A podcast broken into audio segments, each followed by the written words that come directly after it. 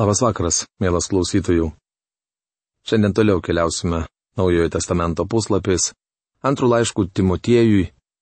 Ir šiandien paskutinė mūsų laida šiame laiške. Priminsiu, kad praėjusioje laidoje mes pradėjome nagrinėti ketvirtąjį skyrių, kurio tema - nurodymai paskutinėms dienoms. Mes su jumis pradėjome nagrinėti pastraipą Pauliaus įpareigojimas Timotiejui. Šiandien Po maldos aš perskaitysiu jums jau išnagrinėtas dvi eilutes priminimui ir mes tęsime rašto apžvalgą. Dėkojame tau, tėve, už tai, kad galime ateiti pas tave šį vakarą, palikdami viską, kas mums trukdo. Padėk mums, Dieve, būti tinkamo nusistatymo tavo atžvilgių ir išgirsti tavo brangius pamokymus kiekvienam iš mūsų. Palaimink šį mūsų bendravimo su tavimi kartu laiką. Jėzaus vardu. Amen. Taigi Pauliaus įpareigojimas Timotiejui. Aš karštai prašau dėl Dievo ir Kristaus Jėzaus, kuris teis gyvuosius ir mirusiuosius, dėl jo apsireiškimo ir karalystės, skelb žodį, veik laiku ir nelaiku, bark, drausk, ragink su didžiu kantrumu ir kaip išmanydamas. Ir trečioji eilutė ateis toks laikas, kai žmonės nebepakęs sveiko mokslo, bet pasidavę savo įgeidžiams susivadins savo mokytojų, kad tie pataikautų jų ausims. Ateis toks laikas, kai žmonės nebepakęs sveiko mokslo. Įdomu, ar tik jis nėra atėjęs. Nors šiandien Dievo žodžio mokymo klausosi stebėtinai daug žmonių, palyginus su bendrų gyventojų skaičiumi tai be galo mažas procentas bet retas bažnyčios narys pakenčia sveiką mokslą, tai yra didžioji dauguma nenori jo girdėti. Tikriausiai norite paklausti, tai kogi jie nori? Apaštalas Paulius rašo, pasidavę savo įgeidžiams, susivadins savo mokytojų, kad jie pataikautų jų ausims.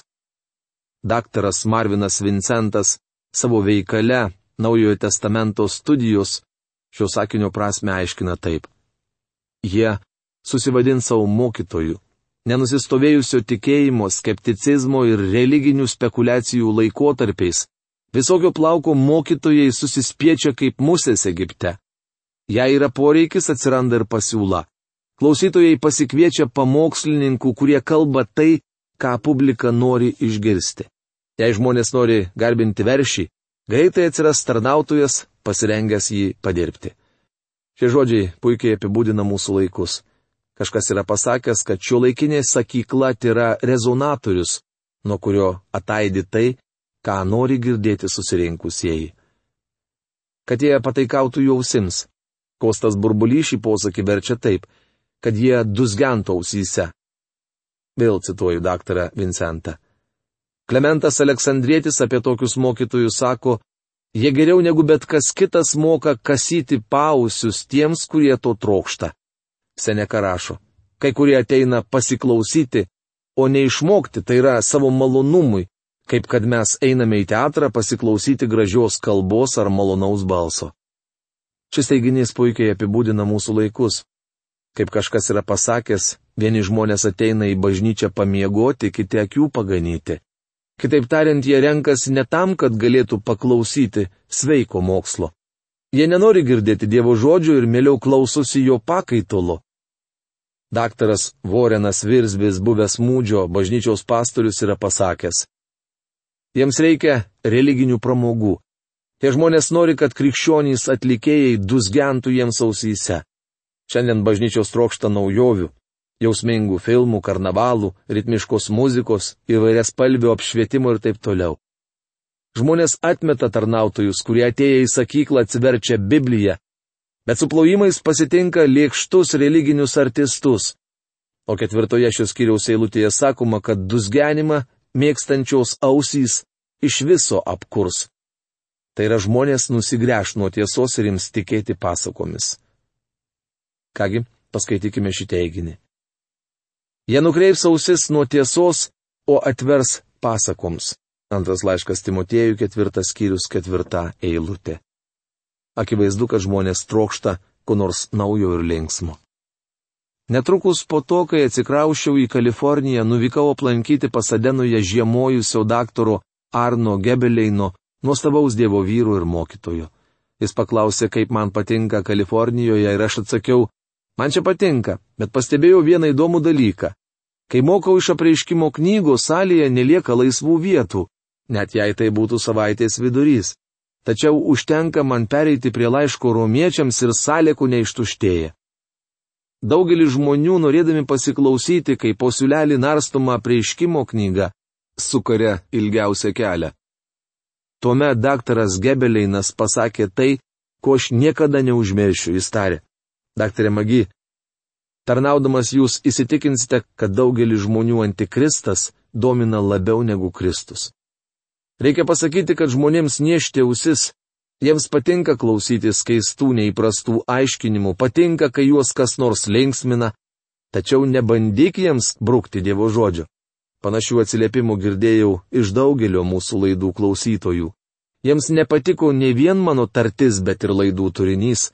Žmonės piktinosi, kad minu jiems ant nuospaudų. Tačiau aš to nedariau, nes jų net nepažinojau. Tai Dievo žodžio darbas. Aš tik skelbiu tai, kas parašyta šventajame rašte. Nepaliaudami klausytis mūsų radio programų, daugelis tų žmonių įsitikino, kad Dievo žodis jiems naudingas. Esu tikras, kad buvo ir tokių, nors apie juos nieko nežinau, kurie įsijungia mūsų radio laidą po kelių minučių ją išjungia. Kodėl? Todėl, kad tie žmonės ieško pramogų ir visai nenori girdėti Dievo žodžio. Bet būk visame kame apdairus, kentiek vargus, dirbk evangelisto darbą, atlik savo tarnystę. Antras laiškas Timotiejui, ketvirtas skyrius, penkta eilutė. Anomet evangelisto darbas buvo kitoks nei šiandien. Pauliaus dienomis evangelistas buvo keliaujantis mokytojas misionierius. Šią prasme Paulius taip pat buvo evangelistas. Dabar apaštalas sako Timotiejui, kad jis turi dirbti evangelisto darbą, tai yra tęsti tarnystę, kurią šis jaunuolis pradėjo talkindamas Pauliui. Frazė kentiek vargus rodo, kad apaštalas įspėjo Timotiejų, jog paskutinėmis dienomis kelbdamas Dievo žodį, jis neišvengs vargų priešmirtinis Pauliaus liudijimas. Dabar skaitysime nuostabę šventųjų rašto atkarpą. Tai epitafija, kurią savo parašė pats Paulius. Aš jau esu atnašaujamas ir mano iškeliavimas arti. Iškovojau gerą kovą, baigiau bėgimą, išlaikiau tikėjimą. Todėl manęs laukia teisumo vainikas, kuriuo mane tą dieną apdovanos viešpats, teisingasis teisėjas ir ne tik mane, bet ir visus, kurie su meile laukia jo pasirodant. Antras laiškas Timotėjui, ketvirtas skyrius, šešta aštunta eilutės. Aš jau esu atnašaujamas. Jei tuo metu jūs būtumėte buvę Romoje, egzekucijų patalpoje būtumėte išvykę krūviną reginį. Manau, kad su pasibaisėjimu ir pasišlykštėjimu būtumėte stebėję, kaip apaštalas padeda galvą ant giliotinus ir stiprus romėnų kareivis iškelia aštrų kirvį. Tuomet jį paleidžia ir šis švildamas krenta žemyn, atkirsdamas Pauliaus galvą nuo kūno. Galva įkrenta į krepšį, o kūnas tasomos traukulių suglemba kitoje giliotinos pusėje. Tačiau jei tai viskas, ką matėte, anot Pauliaus jūs matėte labai mažai. Giliotina buvo aukuras, o apaštalo gyvenimas buvo tarsi liejamoji atnaša. Šią metaforą Paulius vartojo ir anksčiau, kai buvo pirmą kartą suimtas ir manė neišvengsęs mirties. Laiško filipiečiams antros kiriaus 17 eilutėje skaitėme o jei turės būti pralietas mano kraujas kaip jūsų tikėjimo auka ir atnaša Dievui, aš džiaugiuosi ir esu linksmas kartu su jumis visais. Apaštalas norėjo, kad jo gyvenimas būtų išlietas kaip liejamoji atnaša, ir taip įvyko. Ką mes žinome apie liejamąją atnašą? Dievas Izraelitams nebuvo davęs jokių konkrečių nurodymų, kaip ji turėtų būti atnašaujama. Visgi ji nesikį minima išeimo ir kunigų knygose.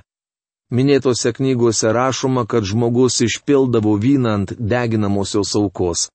Savaime suprantama, vynas tu jau virsdavo garais, pakildavo į orą ir pranykdavo. Ta pati čia sako ir Paulius. Aš išlieju savo gyvenimą kaip liejamąją atnašant Kristaus aukos. Visa šlovė nemano jam. Paulius žinojo, kad jo gyvybė greitai užges ir tuomet bus matyti tik Kristus. Tai viena iš gražiausių apaštalo pavartotų metaforų. Daugelis krikščionių stengiasi įsiamžinti, vieni antkapiuose, kiti memorialinėse lentose, tačiau Pauliaus tai nedomino. Jis sako, mano gyvenimas yra lėjamoji atnaša. Turi būti aukštinamas Kristus, o ne Paulius.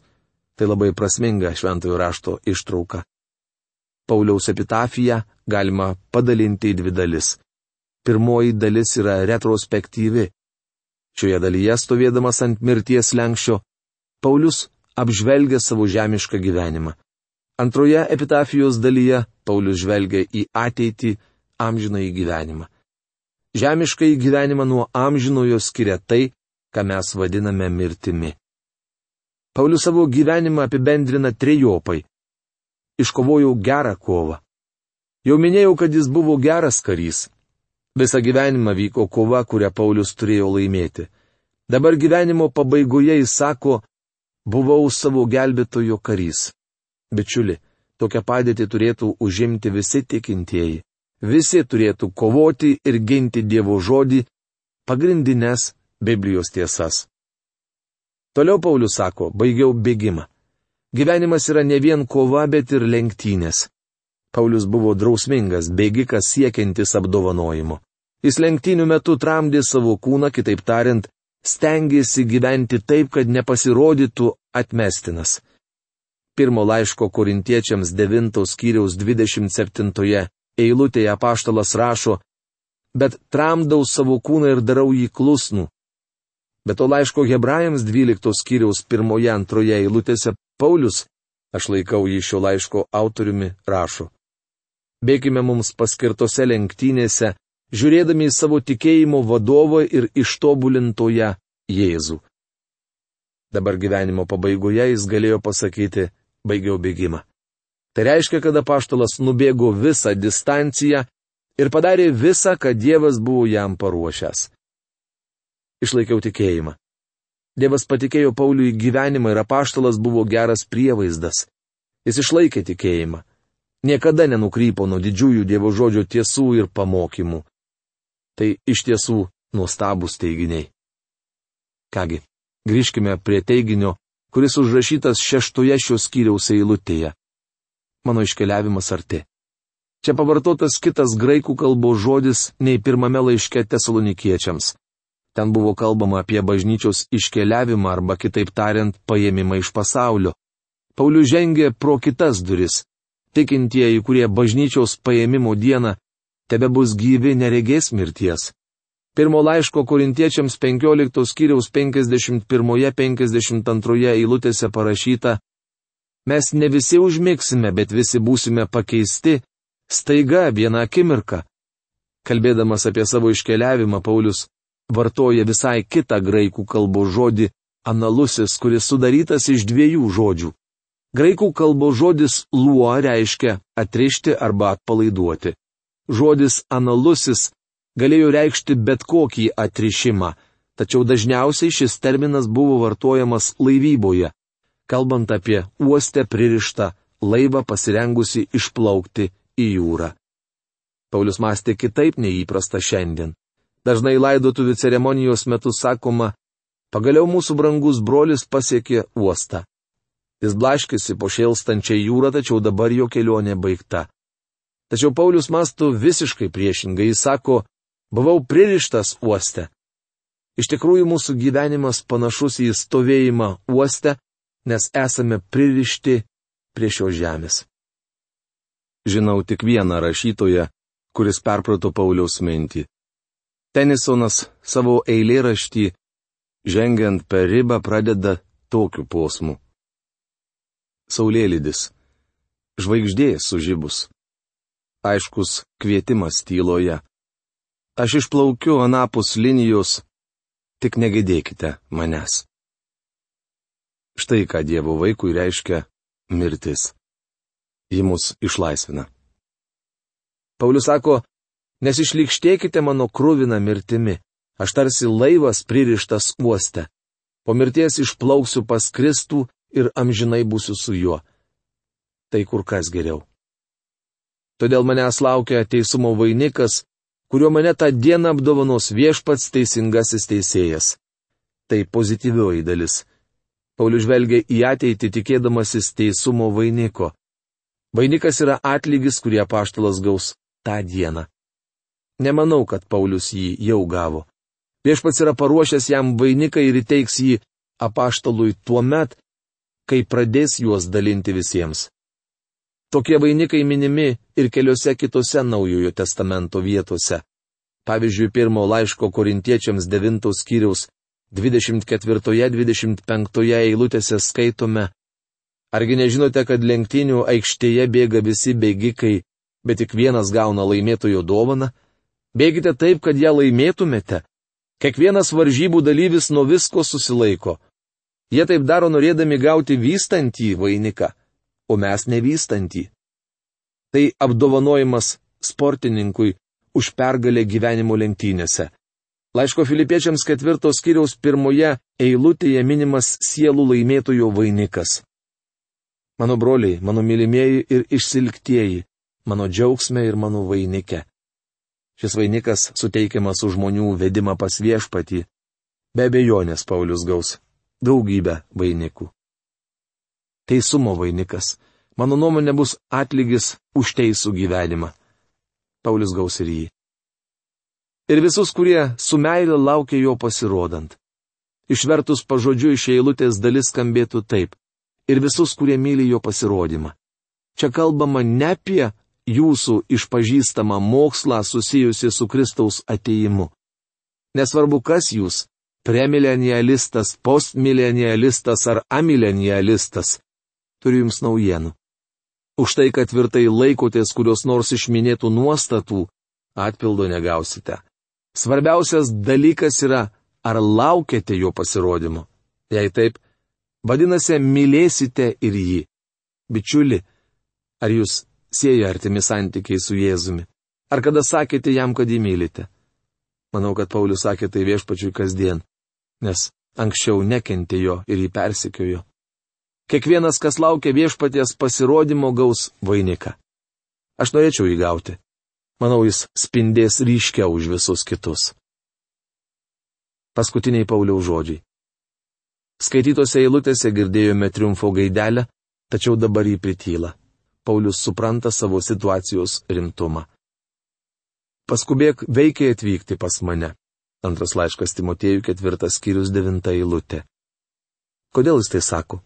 Jau minėjau, kad apaštala kamavo vienatvė. Lankydamasis Mamertino kalėjime galvojau apie šios apaštalo žodžius. Nes Demas, pamilęs šį pasaulį, paliko mane ir iškeliavo į Tesaloniką, Krescentas į Galatiją, Titas į Dalmatiją. Antras laiškas Timotiejų ketvirtas skyrius dešimta eilutė. Demas, neišlaikęs įtampos, pabėgo. Jis paliko Paulių ir pasitraukė į Tesaloniką, kuri nuo Romos buvo ganėtinai toli. Titas į Dalmatiją. Nežinau, ar kiti du broliai turėjo pateisinamą priežastį, kad galėtų palikti Paulių, tačiau manau, jog Titas tokią priežastį turėjo. Tikriausiai Paulius nusintė jį į Dalmatiją tarnauti savo vietoje. Apie Krescentą žinau nedaug, todėl nesiryštu jo teisinti. Vienas Lukas tai yra su manimi. Pasimk ir atvesk morkų, jis bus man naudingas padėjėjas. Antras laiškas Timotėjui, ketvirtas skyrius, vienuolikta eilutė. Vienas Lukas tai yra su manimi. Gerasis daktaras Lukas liko ištikimas Pauliui iki galo pasiimk ir atsivesk morkų. Kai prisimenate, į antrąją misijų kelionę Paulius Jono morkaus imti nenorėjo. Tačiau paštalas klydo ir dabar galėjo pasakyti, jog morkus yra naudingas padėjėjas. Džiaugiuosi, kad paskutinėme savo laiške jis tai pripažino. Tichika aš pasiunčiau į Efezą. Antras laiškas Timotiejų ketvirtas skyrius, dvylikta eilutė. Paulius išsiuntė Tichiką atgal į Efezą, nes jis buvo šio miesto bažnyčios pastorius. Šis vyras negalėjo visą laiką būti Romoje, jam reikėjo grįžti pas Efezo tikinčiuosius. Tolesni žodžiai mums šitą atskleidžia apie Pauliaus būklę. Atvykdamas atgabenk apsiaustą, kurį palikau Truadėje pas Karpą, taip pat knygas, ypač pergamentus. Antras laiškas Timotiejui, ketvirtas skyrius, trylikta eilutė. Paulius prašo atgabenti jam apsiaustą ar paltą, kurį jis paliko truadėje. Tai mums šitą sako apie jo kančias. Man teko lankytis tame kalėjime gegužės ir birželio mėnesį ir galiu pasakyti, jog ten buvo šalta.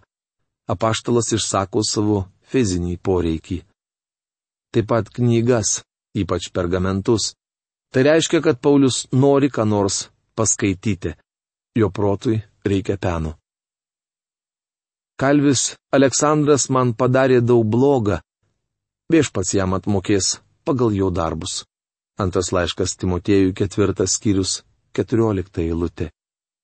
Nemanau, kad Aleksandrui patiks jo laukiantis atpildas.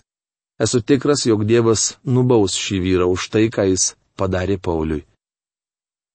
Ir tu saugokis jo, nes jis labai priešinosi mūsų žodžiams. Antras laiškas Timotiejui ketvirtas skyrius penkiolikta eilutė. Paulius įspėja Timotiejų saugotis kalviu Aleksandru. Jis vienas iš tų žmonių, kurie visai stengiasi įsiteikti, bet vos tik spėjate nusigręžti, suvaro jums į nugarą peilį. Mano pirmajame apsiginime ne vieno nebuvo su manimi. Visi mane paliko. Te nebus jiems tatai palaikyta nusikaltimu. Antras laiškas Timotiejų ketvirtas skyrius šešiolikta eilutė. Čia paštalas kalba arba apie savo apsiginimo kalbą, kuria prasidėjo jo galutinis teismas, arba apie pirmąjį teismą Romoje įvykusi prieš trejus metus. Tuomet Paulius buvo vienišas. Viešpats buvo su manimi ir mane sustiprino, kad per mane toliau skelbimas pasiektų pilnatvę ir visos tautos jį išgirstų. Jis mane ištraukė iš liūto nasrų. Antras laiškas Timotiejui ketvirtas skyrius septyniolikta eilutė. Prieš tai Paulius prašė Timotiejų atgabenti jam apsiaustą, tai kūnui. Bei knygas, o ypač pergamentus, tai protui. Dabar jis prabyla apie dvasinę pusę. Viešpats buvo su manimi. Visi mes. Nesvarbu, ar esame kalėjime ar laisvėje, turime trejopų poreikių. Gera, kai galime pasakyti, viešpats buvo su manimi. Žodžiai, jis mane ištraukė iš liūto nasrų reiškia, kad anuomet Pauliui pavyko išvengti mirties bausmės. Viešpats mane vėl ištrauks iš visų piktų kėslų ir išgelbės savo dangaus karalystiai. Jam garbė per amžių amžius. Amen. Antras laiškas Timotiejų ketvirtas skyrius 18 eilutė. Paulius žinojo, kad pateks į dangų. Šį labai asmenišką laišką Timotiejui apaštalas baigė, paminėdamas bendrus bičiulius. Pasveikink Priską, Akvilą ir Onesiforo namiškius. Erastas pasiliko Korinte, o Trofimą palikau Milete sergantį. Paskubėk atvykti dar prie žiemą. Tave sveikina Eubulas Pudentas, Linas ir Klaudija bei visi broliai. Viešpats te būna su tavo dvasia. Malonė tiesie su jumis. Antras laiškas Timotėjui, ketvirtas skyrius 19-22 eilutės. Atkreipkite dėmesį, kada paštalas ragina Timotėjų atvykti dar prieš žiemą. Tuo baigėsi Pauliaus gulbės esmė. Mėlyji, su paštalo Pauliaus paskutiniaisiais žodžiais viešpats te būna su tavo dvasia ir malonė tiesie su jumis, aš noriu užbaigti ir šios dienos laidą. Iki kito sustikimo. Sudė.